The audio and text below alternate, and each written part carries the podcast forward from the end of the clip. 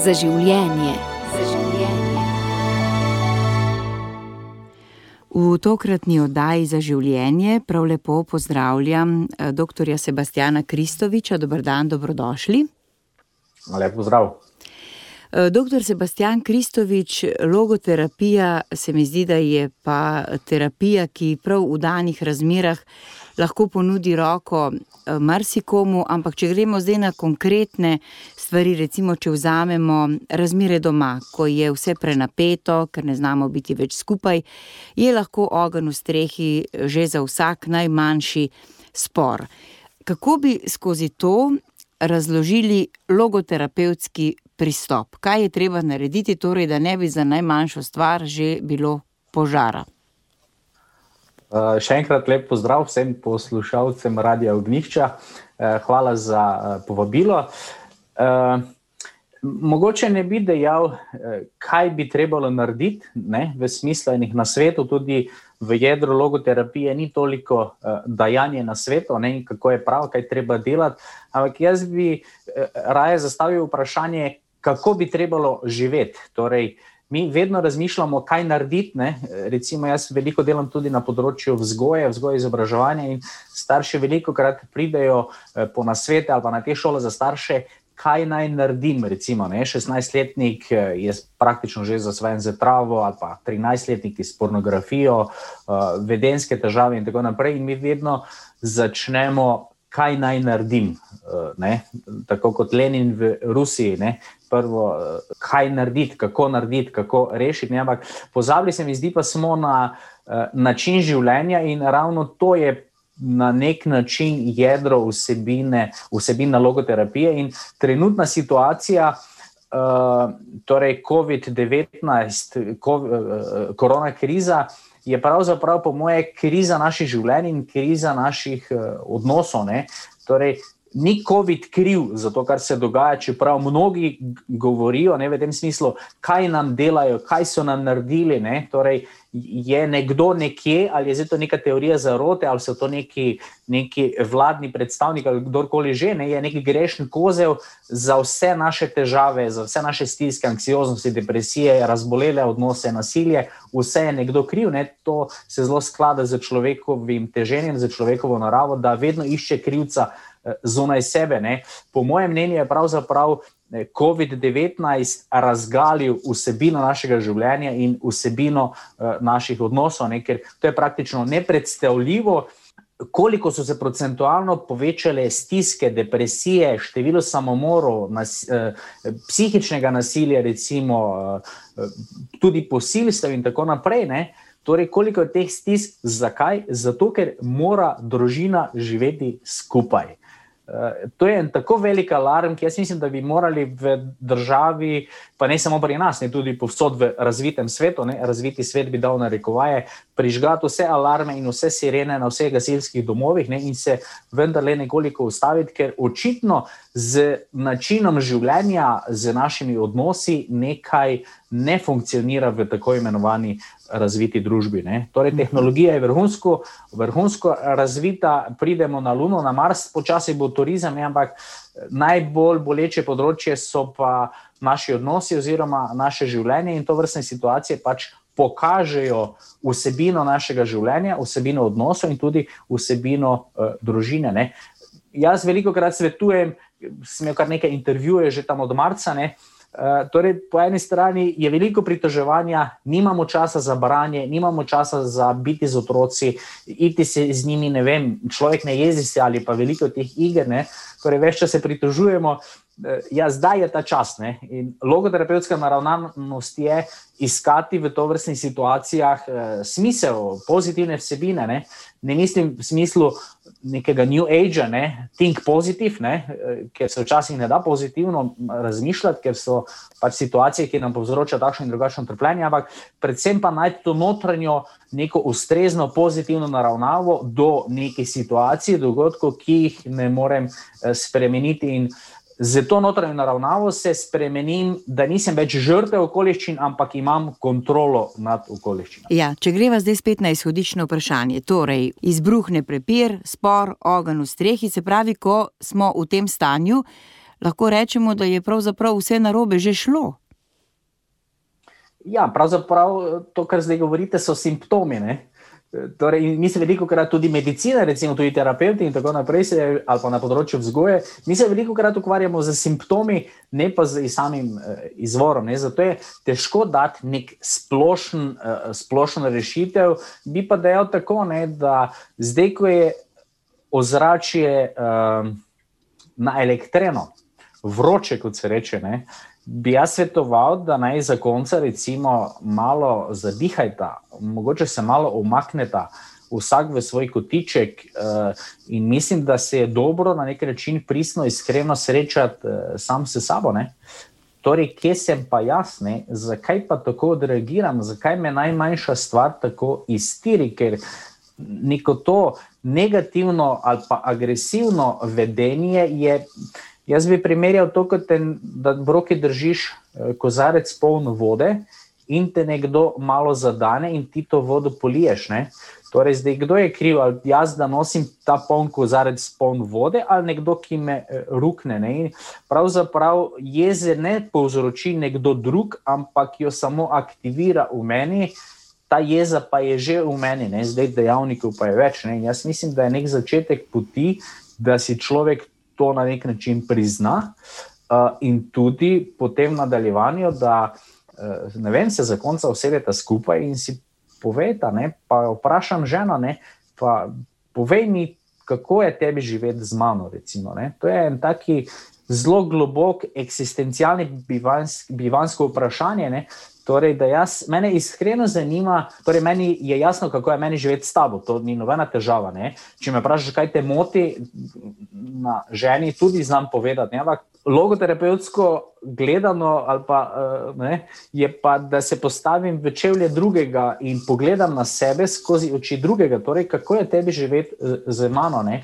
Ker tukaj potem ne gre za uh, ofenzivo, defenzivo, za branjenje mojih stališč, mojega vedenja, ampak za uh, pristen poskus eh, najti neko rešitev. Ne? To je pa seveda na najgloblji ravni povezano z neko osebnostno, uh, osebnostjo, zrelostjo. Uh -huh. uh, zato moraš biti pa zelo osebnostno zrel. To smo pa zdaj spet pri tem, pri vsebini mojega življenja, pri mojih odločitvah, pri mojem delu, pri mojem odnosu do dela, do ljudi, do nekih vrednot vrednot, do človeka, eh, do ljubezni in tako naprej. Uh mhm. -huh. Rekli ste, da je ta čas eh, krize razgalil, lahko bi rekli, neko našo praznino, sicer tehnološki velik napredek. Vidimo, da šola tudi nadaljavo deluje, tudi terapije imate verjetno eh, nadaljavo, tudi oddaje delamo konkretno to zdaj nadaljavo, ampak vseeno nekje nas pa zmanjka. Ne? Kako se vam zdi, ali bo ta čas? Eh, ko se vsaj nekateri prihajajo do spoznanj, da bo treba vendarle se malce ustaviti, priti do nekega globljega temelja, ali bo ta čas torej potegnil nekaj boljšega iz vseh nas, ali bomo postali potem družba mogoče globljega nekega premisleka, drugačnih vrednot? Jaz mislim, da ne. Bi si želeli, pa nočem, torej nisem pesimist ampak bi dejal, da sem eh, realist. To sem malo prevzel od Dostojevskega. Dostojevski pravi, da je realist v največjem smislu in tudi jaz mislim, da treba biti realist. Se prav spomnim, ko je. Eh, po 14 treh dnevih, treh tednih v spomladanskem delu, sem ravno tako imel en intervju in me je novinarka vprašala, ena in je rekla: Ja, nikoli več ne bo tako, kot je bilo. Ne. Eh, sem dejal, bo, bo, ne ljudje boste videli, v roku parih dni bodo pozabili. Ne? Če pogledate, recimo poletje, takrat, ko je bilo, torej, ko so se zapornice dvignili, dvignile, mislim, dejansko čez poletje se ni vedelo, da je nek COVID, oziroma se je delalo, kot da tega ni, in je zgodba šla po starih tirih eh, dalje, in posledice pač nosimo zdaj. To je dejstvo. In jaz mislim, da tudi čez nekaj mesecev upamo vsi, da se bo ta zgodba umirila, ampak jaz mislim, da se v družbi, upam, da se motim srčno, ampak mislim, da se v družbi kaj bistvenega. Ne bo spremenilo, spremenilo se bo pri določenih posameznikih, to pa verjamem. Določenim posameznikom, ampak to bo neka manjšina, pa bo mogoče ta dogodek, neka tista lučka, če se spomnite iz risank, ko lučka zagori nad glavo in ta lučka sporoča, To je pravzaprav podobno, ko nekdo zboli za rakom, recimo, ali pa utrpi neko resno izgubo. Mnogi takrat življenje radikalno spremenijo v pozitivni smeri, in tukaj gre za podobno stvar, pa ne vsi. Eh, zakaj gre? Zato, ker nam ti neki zunanji dogodki, ki nam povzročajo takšno ali drugačno bolečino, fizično ali psihično, nam dajejo neki globlji uvid v to, kaj je v življenju bistveno, kaj je temeljno, kaj me nosi, kaj me drži. Ne? In človek eh, hitro pride do tega, mislim, na rekovaj hitro, da so najbolj dragocene stvari v življenju eh, za ston. Jaz bi sicer imel Ferrarija, novega, ampak nisem pa nesrečen, ker ga nimam. Mi pa gotovo veliko več pomeni to, da me nekdo objame in mi pove, da me ima rad, da je lepo, da sem in tako naprej. Recimo, uh, jaz mislim, da je izziv sodobne družbe uh, ravno to, ne, se vprašati, kaj je bistveno, kaj je eh, temeljno. Ne. Po drugi strani pa vemo, da so v ozadju tako močni lobiji, eh, torej kapitalistično naravnani, da je pravzaprav celotni način življenja podrejen temu. Torej, če pogledate reklame, reklame sporočajo, must have, ne. torej moraš to imeti. Pa ne samo to, ampak če boš to imel, boš srečen in ljudje pač na ta način uh, kot se zdaj živi, si ne postavljajo nekih eh, temeljnih vprašanj, kot je, kaj je moje poslanstvo, kaj je smisel mojega življenja. Eh, jaz, recimo, študentom na letni ravni imamo okrog tisoč, si upam, kaj reči, nekateri so stari toliko skoraj kot moji starši. Pa te mlade, veliko krat jim rečem: Glejte, življenje vam je bilo dano, podarjeno, vaše je. Ključno vprašanje pa je, ne kakšen je bil oče, kakšna je bila mama, kakšna bi mora, morali biti, ampak ključno vprašanje pa je, kaj boš pa ti naredil iz svojega življenja. Kakšno vsebino bo pa, boš pa ti dal svojemu življenju, kako boš izkoristil ta čas in za kaj boš izkoristil ta čas, ki ti je dan. Torej, kaj je tvoje poslanstvo, kaj je tvoje mesto na tej zemlji. In mladi vam povem, da ko odpiramo ta vprašanja, vam garantiram, noben ne gleda na mobitel čas se ustavi, ne, to meni pove, da to so vprašanja, ki mlade zanimajo.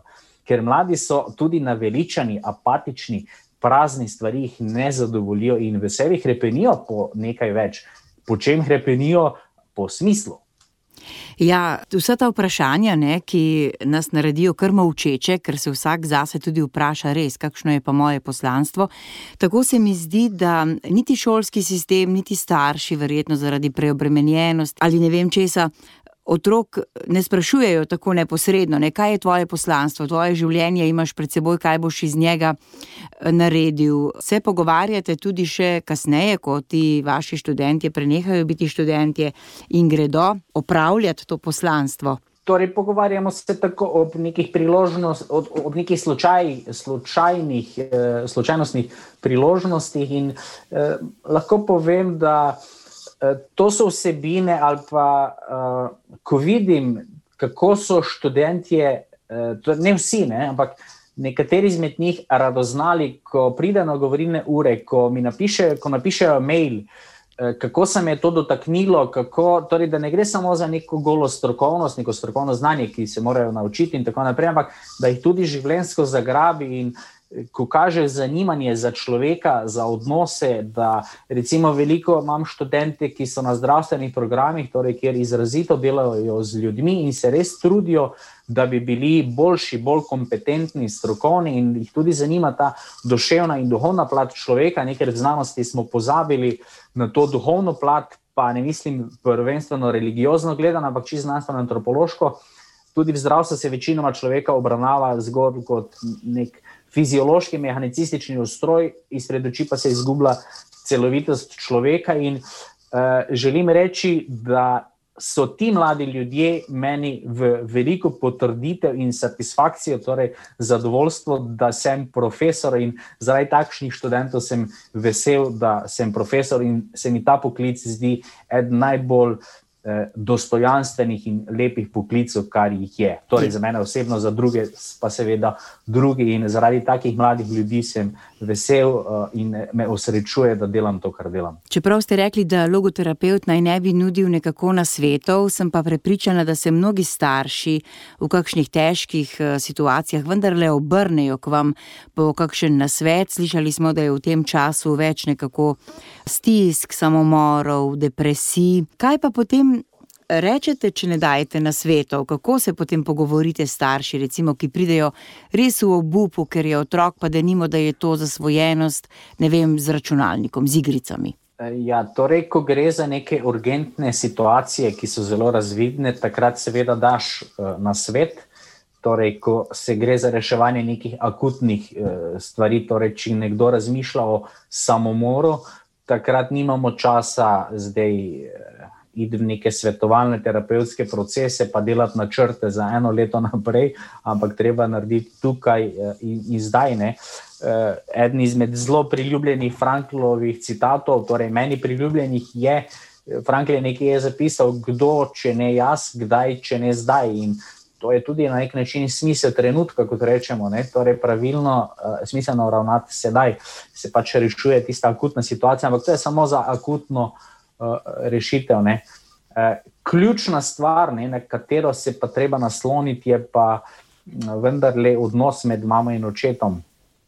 Uh, mi veliko krat in tudi vidim, mnogi strokovnjaki uh, uh, izdajajo knjige, torej imajo vse možne rešitve, torej priročnik za vzgoje, vsi odgovori so noter, za vse vaše rešitve. Ne, to je ta instant logika, neka New Age-ovska, kar je v Ameriki se začelo par desetletij, zdaj je ta val pri nas, ne teh priročnikov, instant rešitev, raznih pač strokovnjakov, takšnih in drugačnih. Ampak vemo, da je vsak človek zgodba za sebe, da se ne da vzgajati po receptih.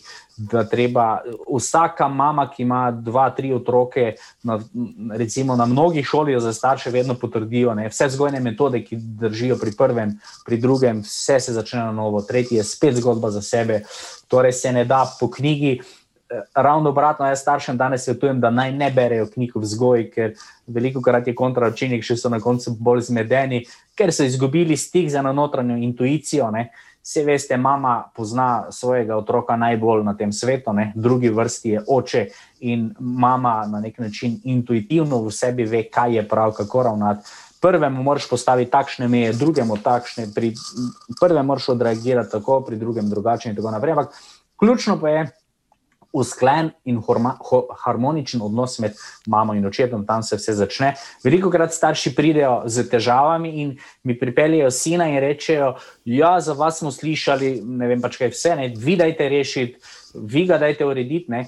Pa rečem, bi se mogoče najprej z vami želel srečati, z mamo, z očetom. Ne, in, uh, mnogo primerov je takšnih, da tega sina nikoli sploh ne rabim videti uh, ker se vse reši že v uh, njunem odnosu. Recimo, tako da spet treba iti k viru, ne? ad fontes, rečejo latinci, ne? in vir družinskega vzdušja, ljubezni, ker družina je vendarle. Uh, Kraj, področje, kjer se bi človek moral počutiti najbolj varno, najbolj ljubeče, najbolj uh, sprejeto. Ne, in, uh, ta, to vzdušje delata in ustvarjata in to klimo delata ravno mama in oče s svojim odnosom. Ne. In tudi, če zdaj danes nimamo časa, ampak tudi v primeru razveze, ločitve gre za podobno stvar. Uh mhm. -huh. Morate biti toliko osebnostno zrela, da te stvari urejate. Ja, družina je precej na udaru, vemo, da um, skušajo nekako usiliti tudi različne oblike družin, dva očeta, dve mami in tako naprej. Torej, hoče se uvesti neka velika zmeda, v resnici pa zmede ni. Sej, jaz mislim, da je čisto jasno. Ne? Družina sta mama in oče. Jaz niti ne bi govoril o neki tradicionalnosti in tako naprej. Sej zadeve so jasne. Sej, če se pogleda moškega, se točno ve, kaj so atributi moškega. Ne? Torej, ne gre za neko tradicionalno, ne tradicionalno pojmovanje, vse ni več pojmovan. Ne? Moški je moški, ženska je ženska in otroka lahko naredita moški in uh, ženska. Dejansko ni izmedene. To pomeni, ali pa bom drugače pojasnil, včasih reče kdo, da živimo v krizi vrednot, danes so vrednote v krizi. Ne? Jaz se s tem ne strinjam. Vrednote niso v nobeni krizi in nikoli tudi niso bile. kaj to pomeni? Torej, govorimo o nekih temeljnih vrednotah, recimo resnica ali pa resnico ljubnost. Resnica je samo ena, jih ni več. Za resnico se ne da dogovoriti. To pomeni, resnica ni v nobeni krizi. Če jaz nekam grem na nek sestanek in rečem ženi, da sem bil na sestanku na fakulteti, je to fakt, dejstvo, tu ni drugih resnic. Če pa se rečem ženi, da sem šel na sestanek, v resnici pa nisem šel, to pa je zdaj že problematično. Ne? Pol pa z ženo v mestu srečamo nekoga, ki je bil na tem sestanku. Ne? A razumete, pa začnejo te opeke moje resnice, ki jo postavljam, odpadati. V, v, v krizi ni resnica kot vrednota, ampak v krizi sem jaz. Tudi recimo ljubezen. Ljubezen nikoli ne bo v krizi. Torej, lahko bi rekli, zato ker so to temeljne, fundamentalne vrednote, ki človeka presegajo. Torej, eh, človek pa danes želi postavljati vrednote na novo, ampak ne bo šlo. Torej, v krizi niso vrednote, ampak v krizi je človek, ki ne živi po vrednotah, zato ker vrednote so na nek način tudi lahko, nek, lahko rekli, neki garant kakovostnega, osmišljenega, globokega, pristnega uh, življenja. Torej, ne nekaj, kar se mi vsiljuje, ampak vrednote so tiste, ki me privlačijo. Torej, mene privlači in želim govoriti resnico. Mene, moja najgloblja notranja potreba je potreba, želja, hrbenenje po ljubezni, da me ima nekdo uh, rad. Ne? Zdaj, uh mhm. -huh. Drugo so neka devijantna vedenja, ampak. Tako je podobno tudi pri družini, kakorkoli že obračamo, se mučimo, matramo, ne bo šlo. Ne? In jaz mislim, da je ravno to, to ste zdaj odprli na zelo globoko, široko področje. Um, jaz mislim, da so ravno to glavni razlogi, zakaj se Evropa uh, suši. Evropa se suši iz uh, različnih uh, vzrokov, sam vidim tri ključne razloge, ne? kakorkoli že. Uh, eno je področje družine, drugo je področje kulture, tretje področje pa je področje vere in religije, in to so evropske korenine. Mimo tega ne moreš to bo potrdil vsak, eh, kolikor toliko resen intelektualec, tudi ne rabi biti zgodovinar. Torej, to določa identiteto evropskega človeka, slovenskega človeka, Evrope kot takšne. In Evropa se suši zato, ker se režejo te korenine. Torej, po eni strani, seveda, je Evropa v temelju zaznamovana z krščanstvom, Eh, da je kultura ključnega pomena, da je to del naše identitete in pa temelj vsakega naroda, vsake civilizacije se pa ve, da je, eh, da je družina. Zato tudi vidimo pri drugih narodih, recimo v, judovsk, v judovskem ali pa muslimanskem, ne, tam, ko je bilo kako prešuštvo, so eh, žensko kar ubili. Ne, to vemo, da ni adekvatna kazen, ampak zakaj? Ja, zato, ker je ogrožena temeljna, najbolj ključna zdrava celica družine, družbe in treba odreagirati zelo radikalno, da se slučajno ne bi ponavljala. Ampak to je zgodba, ki je v službi ohranjanja celice, osnovne celice družbe in to je. Eh, družino. Ja, eh, tako daleč smo prišli, da recimo v eh, teh mainstream medijih redko slišimo kaj tako zdravega, samoumevnega, ampak vseeno, seveda, mi lahko živimo, kot da je to neizpodbitno dejstvo, kar tudi je. Ampak v takem okolju, ko nekako z vseh strani slišimo te razne deviacije, ki skušajo biti postavljene za neko normo, vseeno to nas pa malce meče stira. Ne? Ja, meče nas iztira, kolikor si dovolimo. Jaz mislim tudi, da manjka ene zdrave samozavesti. Torej, ne da zdaj nekdo nekaj govori, pa mainstream mediji, ampak se treba vprašati tudi, kaj pa, če že delimo, ne, da je nekdo tam, pa nekdo tu, kaj pa ta drugi del dela. Ne. E, se tudi treba kaj oglasiti in kaj treba delati v tej smeri, ne samo pasivno ždeti in kaj se nam dogaja, kaj govorijo, kaj delajo. To, jaz mislim, da je ključ uh, tukaj, ne, da se tukaj protagonistično uh, kaj naredi. Vse te vsebine so vendarle v, v vsakem človeku, ki čuti in doživlja. In jaz tudi vidim pri mladih, gre za popolnoma uh, enako zgodbo. Ne. Tu še so izzivi in veliko neizkoriščenih eh, potencijalov, ki jih pa mogoče nekdo na drugi strani pa zelo sistematično gradi, eh, upeljuje in tako naprej. Uh mhm. -huh. Frankl je imel zelo težko življenjsko usodo. Bi morda na tem mestu za naše poslušalce, ki morda te Franklove zgodbe ne poznajo, vi povedali, kaj vam osebno pomeni ta njegov res izreden način preživetja in tega, kar je naredil iz svojega življenja po eni taki hudi izkušnji. Kaj pomeni meni osebno? Lahko rečem tole, da prvič, ko sem prijel Frankla v roke, to je knjiga Trocem Jacom Lebenzagen, torej v prevodu kljub vsemu reči življenje da. Eh, kot se pogovorno reče, me je zadelo in me zadetega drži in mislim, da me bo držalo do uh, zadnjega diha.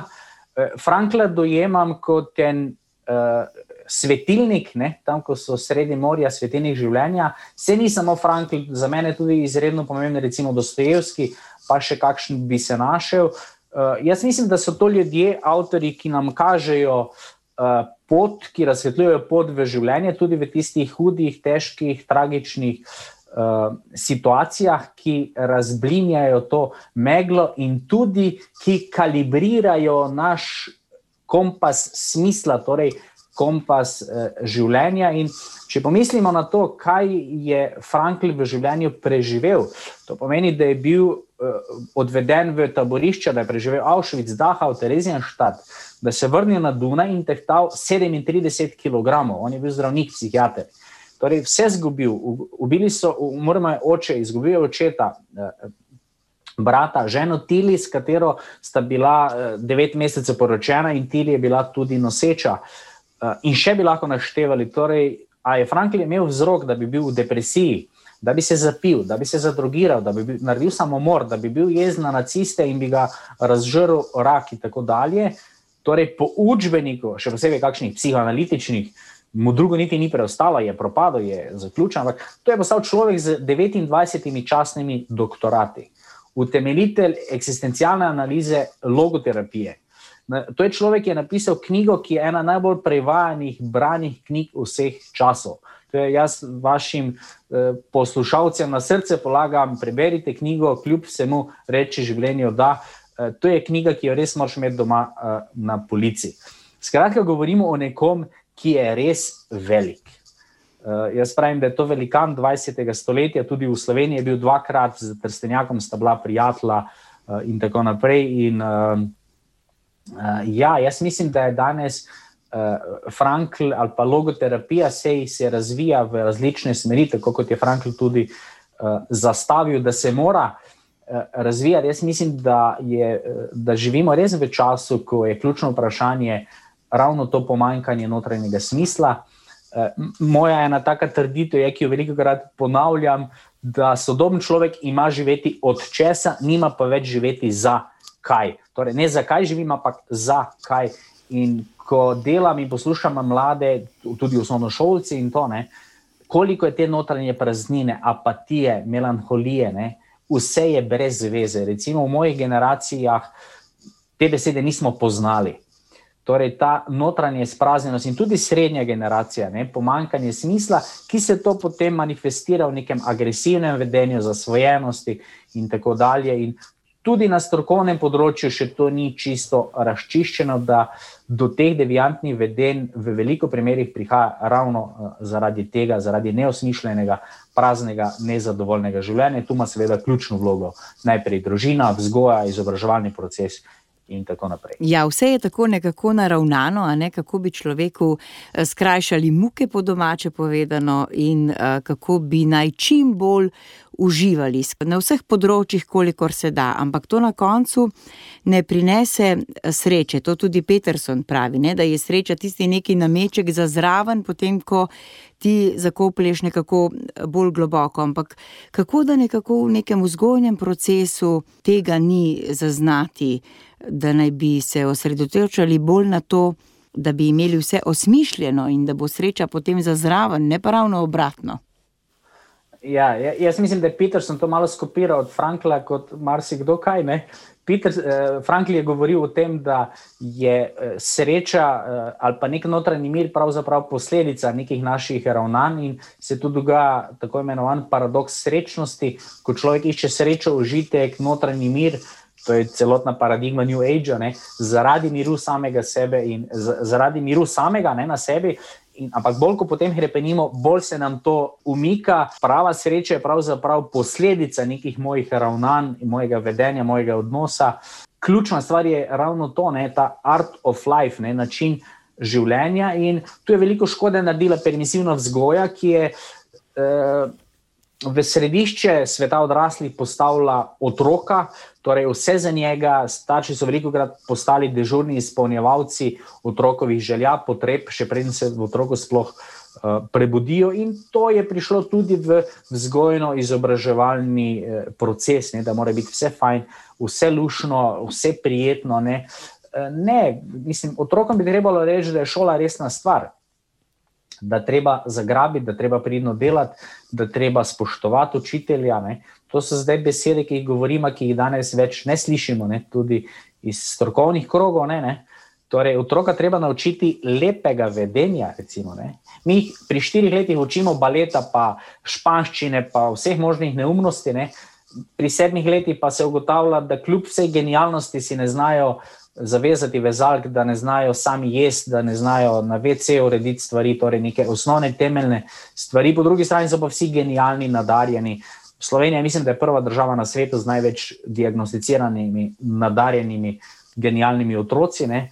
Uh, tako da jaz mislim, da prihaja trenutek, ko si bo treba naliti uh, čistega, uh, čistega vina, ne, iz ljubezni do otrok, ne, ker jaz vendarle mislim, da je glavno poslanstvo vzgoje uh, ne da se ima otrok fajn, da uživa, ampak da nekaj iz sebe naredi in da ga opremimo in pripravimo za življenje in svet, da bo to postal nek. Celovito razvit, integriran posameznik, ki bo v maksimalni meri izkoristil potencijale, ki jih nosi v sebi, in vsak jih nosi za različne stvari. In jaz staršem veliko krat rečem, vaša glavna naloga je, da otroke čim prej spravite od bajte. Ne? To pomeni, da jim pomagate, da jih opremite za življenje, da jim pomagate, da bodo lahko odrinili v življenje in v svet. Ker nobena mama ni rodila sina zase, ampak mame so rodile sinove za življenje, za svet, da gredo od njih in ljubezen je v tem, da izpušča.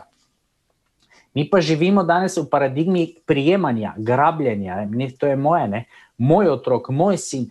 Meni še to ni simpatično, ko nekdo reče moja žena. Ne, mi si vse nekaj svojimo. Ne, ne ljubezen izpušča. Ne.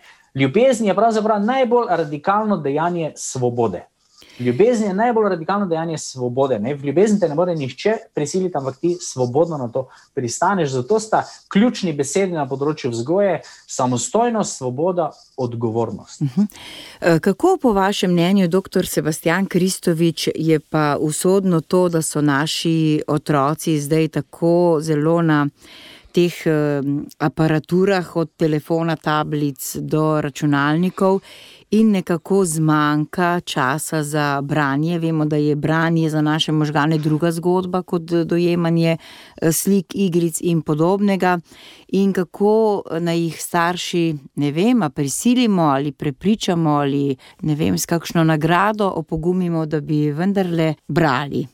To, zdaj ste načeli eno zelo široko eh, in perečo in aktualno in problematično temo. Ne, bo, ne želim pretiravati, ampak jaz mislim, da delajo zasloni nepopravljivo škodo tem uh, generacijam. Na svetu je upravljenih ogromno raziskav, neodvisnih. Torej, ne, eno je, če raziskavo financira nek tehnološki gigant, ne, drugo pa je, da so neke neodvisne raziskave. Vse raziskave na svetu resne kažejo na izredno škodljive vplive uporabo zaslonov. Torej, danes govorimo o digitalnem kokainu, digitalnem heroinu. Ena raziskava je pokazala, da dve uri igranja igric na možgane enako vpliva kot črtica kokaina. Torej, možgani so dejansko fiziološko, fizično okvarjeni. Uničuje se dejansko individualnost, kreativnost, ustvarjalnost. Einstein je dejal, da je pogoj za genialnost ne IQ, ne, torej inteligenčni koeficient, ampak domišljija. To je notranji svet kreativnosti, ustvarjalnosti, biti ustvarjalen. Danes mladi otroci niso več ustvarjalni. Skratka, na vseh ravneh razvoja se vidijo negativni učinki. V tem obdobju je to še posebej tragično, zato ker prva leta, pa tam do mladostništva, ne, se možgani formirajo, oblikujejo. Vzpostavlja se odnos do življenja, do sveta, do ljudi. Recimo, empatije se ti ne moreš naučiti preko zaslona, ko vlačiš po zaslonu s prstom. Empatije se naučiš v živem stiku z človekom. In včasih smo otroci bili zunaj, smo se stepli, so nas koprive opekle, smo s kolesom padali, so bila kolena potovčena, brade presekane in tako naprej. Ampak to je del normalnega, zdravega odraščanja. Ker možgani se razvijajo na podlagi izkušenj doživeti, ki prihajajo v človeka. In mi smo svet doživljali preko vseh petih čutil, danes pa v večinski meri preko uh, zaslonov. Ampak zdaj večina je težava. Uh, ne bo šlo, da jim obljubljamo nagrade. Tudi ne bo šlo, da jim preprosto vzamemo zaslon. Ključni izziv je, kaj jim bomo ponudili in dali na mesto zaslona. Ker z starši se veliko krat srečamo na točki, ko rečejo: Ja, ampak jaz, ko mu vklopim televizijo, ko mu dam PlayStation konzolo v roko ali pa v avtu telefon ali pa v restavraciji, imam mir. mir. In to je tista boleča točka. Torej, ne gre samo za to, da nekaj prepovem, ampak zdaj smo pa spet pri načinu življenja. Ne? Zdaj, eno je, če oče sedi na fotelju, pa pride tam mali do njega, pa ga nekaj žoka, pa to ne. Zakaj je otrok silil njega? Ja, zato, ker ga kliče, ne? oče, ne me vidiš, si z mano, ne? kliče ga v odnos praktično. Zdaj, od, očeta pa to moti. Ne? In kaj naredi oče? Ja, damo njegov telefon. Ne? Oziroma, damo drug telefon. Skratka, otrok išče ljubezen, odnos, navzočnost, eh, starš mu pa da zaslon. Ne? In ta zgodba se potem nadaljuje. Ne? Kot vidite, danes otroci skozi nekam gledajo, skozi nekam zrejo. Se usede v avtomobil, pa ga že čaka tablica na zadnjem sedežu. Ne? Pride v restauracijo, recimo, dobro, zdaj neko je COVID čas, ampak ti zasloni so povsod, je rojstni dan, pa pride nek klon ali pa igrajo PlayStation. Recimo, Niso pa več drug z drugim. In skratka, spet smo pri vprašanju načina uh, življenja. Uh mhm. -huh. Televizija, recimo, je v hiši kot tabernakel, če tako rečem. Če kdo reče, da nima televizije, je to je prav čudno. Ne? To smo prav intravenozno uh, napeljano v žile. Recimo, uh -huh. uh, in kriza je ravno to. Ne? Jaz veliko krat na seminarjih rečem, da je marsikdo zasvojen za, za, za televizijo, pa uh, ne? Če ne veste, če ste zasvojeni ali ne, ker se komu zdi to neumno, rečem, potegnite kablo televizije za tri mesece ven ali pa pol leta. Ne? Pa boste videli, ali imate težave, to je isto kot pri alkoholu. Ne? Če kdo ne ve, če ima težave z alkoholom, pa te leto dni niti požirka ali pa pol leta, recimo, ne? pa se hitro vidi, ali imam težave ali ne. In tudi pri televiziji. In ko se čez nekaj mesecev srečamo z tistimi parimi, recimo, ki to upajo narediti rečejo, da ni bila v resnici težava, da niso gledali film ali pa nekaj oddaje. Jedro težave je bilo to, ne, kaj bo vam idva z ženo zvečer počela. Uh -huh. Torej, zdaj je nek prostor, ki si bomo kakšne pravljice brali, tam še je rezado, tisoč ena noč, ne kar debela knjiga, pa eno večer en enemu prebere, drugo večer drug drugemu, ne, to zelo svetujem, je zelo fajn. Uh, skratka, tu je ta prostor in jaz mislim, da so zasloni največji kradljivci naših življenj in naših odnosov. Koliko ur gre na zaslone? Mladostniki na dan, recimo, porabijo 5-6 ur z gledanjem v telefon. Raziskave so pač to. 5-6 ur, vse to lahko vsak starš pogleda, screen time na telefonu, nekoliko ur. Zdaj pa preračunajte. Enkrat sem se z enim kolegom pogovarjal, pa sem na hitro vtipkal v kalkulator. Mislim, da če bo živel nekje 75-80 let, boš preživel 18 let efektivnega časa z tem, da gledaš v telefone.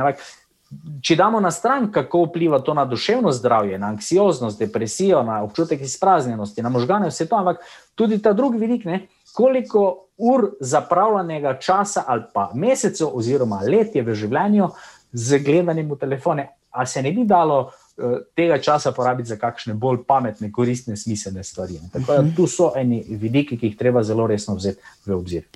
Zdaj pa, glede na to, da ta slika res ni rožnata, ne sploh, če starši zdaj poslušajo in pomislijo na svoje otroke, ki so verjetno preveč na teh eh, zaslonih, kaj bi tistim, ki imajo voljo, da bi kaj prebrali, priporočili, ne vem, za osebnostno, za uh, notranjo rast, knjige, recimo, ki so vas še navdušile, verjamem, da je avtor uh, kar Frankl. ja, vsekakor bi priporočal, uh, kljub vsemu reči življenje, da to je ena taka manjša knjižica, uh, jo zelo priporočam, polagam na srce. Za prebrati, je tako res tako življenjska. Potem, tu res treba čestitati tudi Mohorjevi družbi, ki je izdala praktično vsa v zadnjih letih tudi eh, ta ključna dela od Frankla, tako kako ga to zanima, naj poseže po uh, tej literaturi. Tudi sam sem napisal ene temelje osnove logoterapije, pa malo bolj razširjen tam njegov uh, življenjepis. Potem je zelo fajn tudi za brati v slovenščini veliko del, del pre, prevedenih od uh, Elizabeth Lukas. Uh, mogoče, ko govorimo o teh zaslonih, bi tudi priporočal od Manfreda Spicerja digitalna demenca. Uh, demenca. Tam je veliko teh raziskav, precej opisanega. Skratka, v tem smislu literature je res uh, veliko in knjige so res eno tako uh, bogatstvo, suho uh, zlato. Danes se opaža, ne, da mladi recimo več ne berejo. Ne. Pa pri branju ne gre samo za to, da jaz posrkam neko znanje. Ne. Recimo, eni bratje Karamazovi, Dostojevskega, vse zgodba ni nekaj posebnega, ne. če jo obnoviš na eni A4 strani, ampak vemo pa, da gre za največji metafizični roman, kar jih je človek napisal. Ne. In uh, ti širi obzorje, plemeniti dušo, daje uvid. Eh, skratka, zelo priporočam, da se mlade usmeri na knjige in da so starši pogumni. Ne? Starši so tisti, ki morajo postavljati meje. Ne? Eh, telefona za 1200 evrov, vendar le morajo starši kupiti. Ne? Kakorkoli že ne, ali pa vse dovolijo, da si ga otrok uh, kupi. Tako da starši so tisti, ki morajo prevzeti odgovornost na to, kako bo otrok preživljal čas, zakaj bo uporabljal svoje uh, talente in kaj bo naredil iz svojega življenja. In uh, Slomšik je dejal, ko reže veljane. Pri vzgoji gre samo za eno stvar in to je, kdo bo koga. Skratka, vzgoja ni nobena znanost, ampak treba pa razčistiti, kaj pomeni biti oče, kaj pomeni biti uh, mama. Najprej treba otroke brezpogojno ljubiti in povedati, da so uh, nekaj posebnega, da so vredni, da jih imamo radi. Uh, zdaj pa pojdi delati domače naloge. Ne? To je normalen odnos. In jaz tam, tretja triada in še naprej, starše pogumljam in rečem, vaša naloga ni, da ste prijatelji s svojimi otroci, ampak vaša naloga je, da ste tudi tečni. In če se skregate z najstnikom tam nekje eh, desetkrat, je to dobro znamenje. In ko vam reče, da ste najbolj tečna mama na svetu, naj vas ne boli srce, ampak vzamite to kot kompliment in si rečete, da ste na dobri poti. Otroku pa treba reči, moje sožalje, da te je doletela takšna kruta usoda, da si dobila najbolj zateglo mamo ali pa očeta, kar jih je, pa zgleda, da bo šlo še na slabše.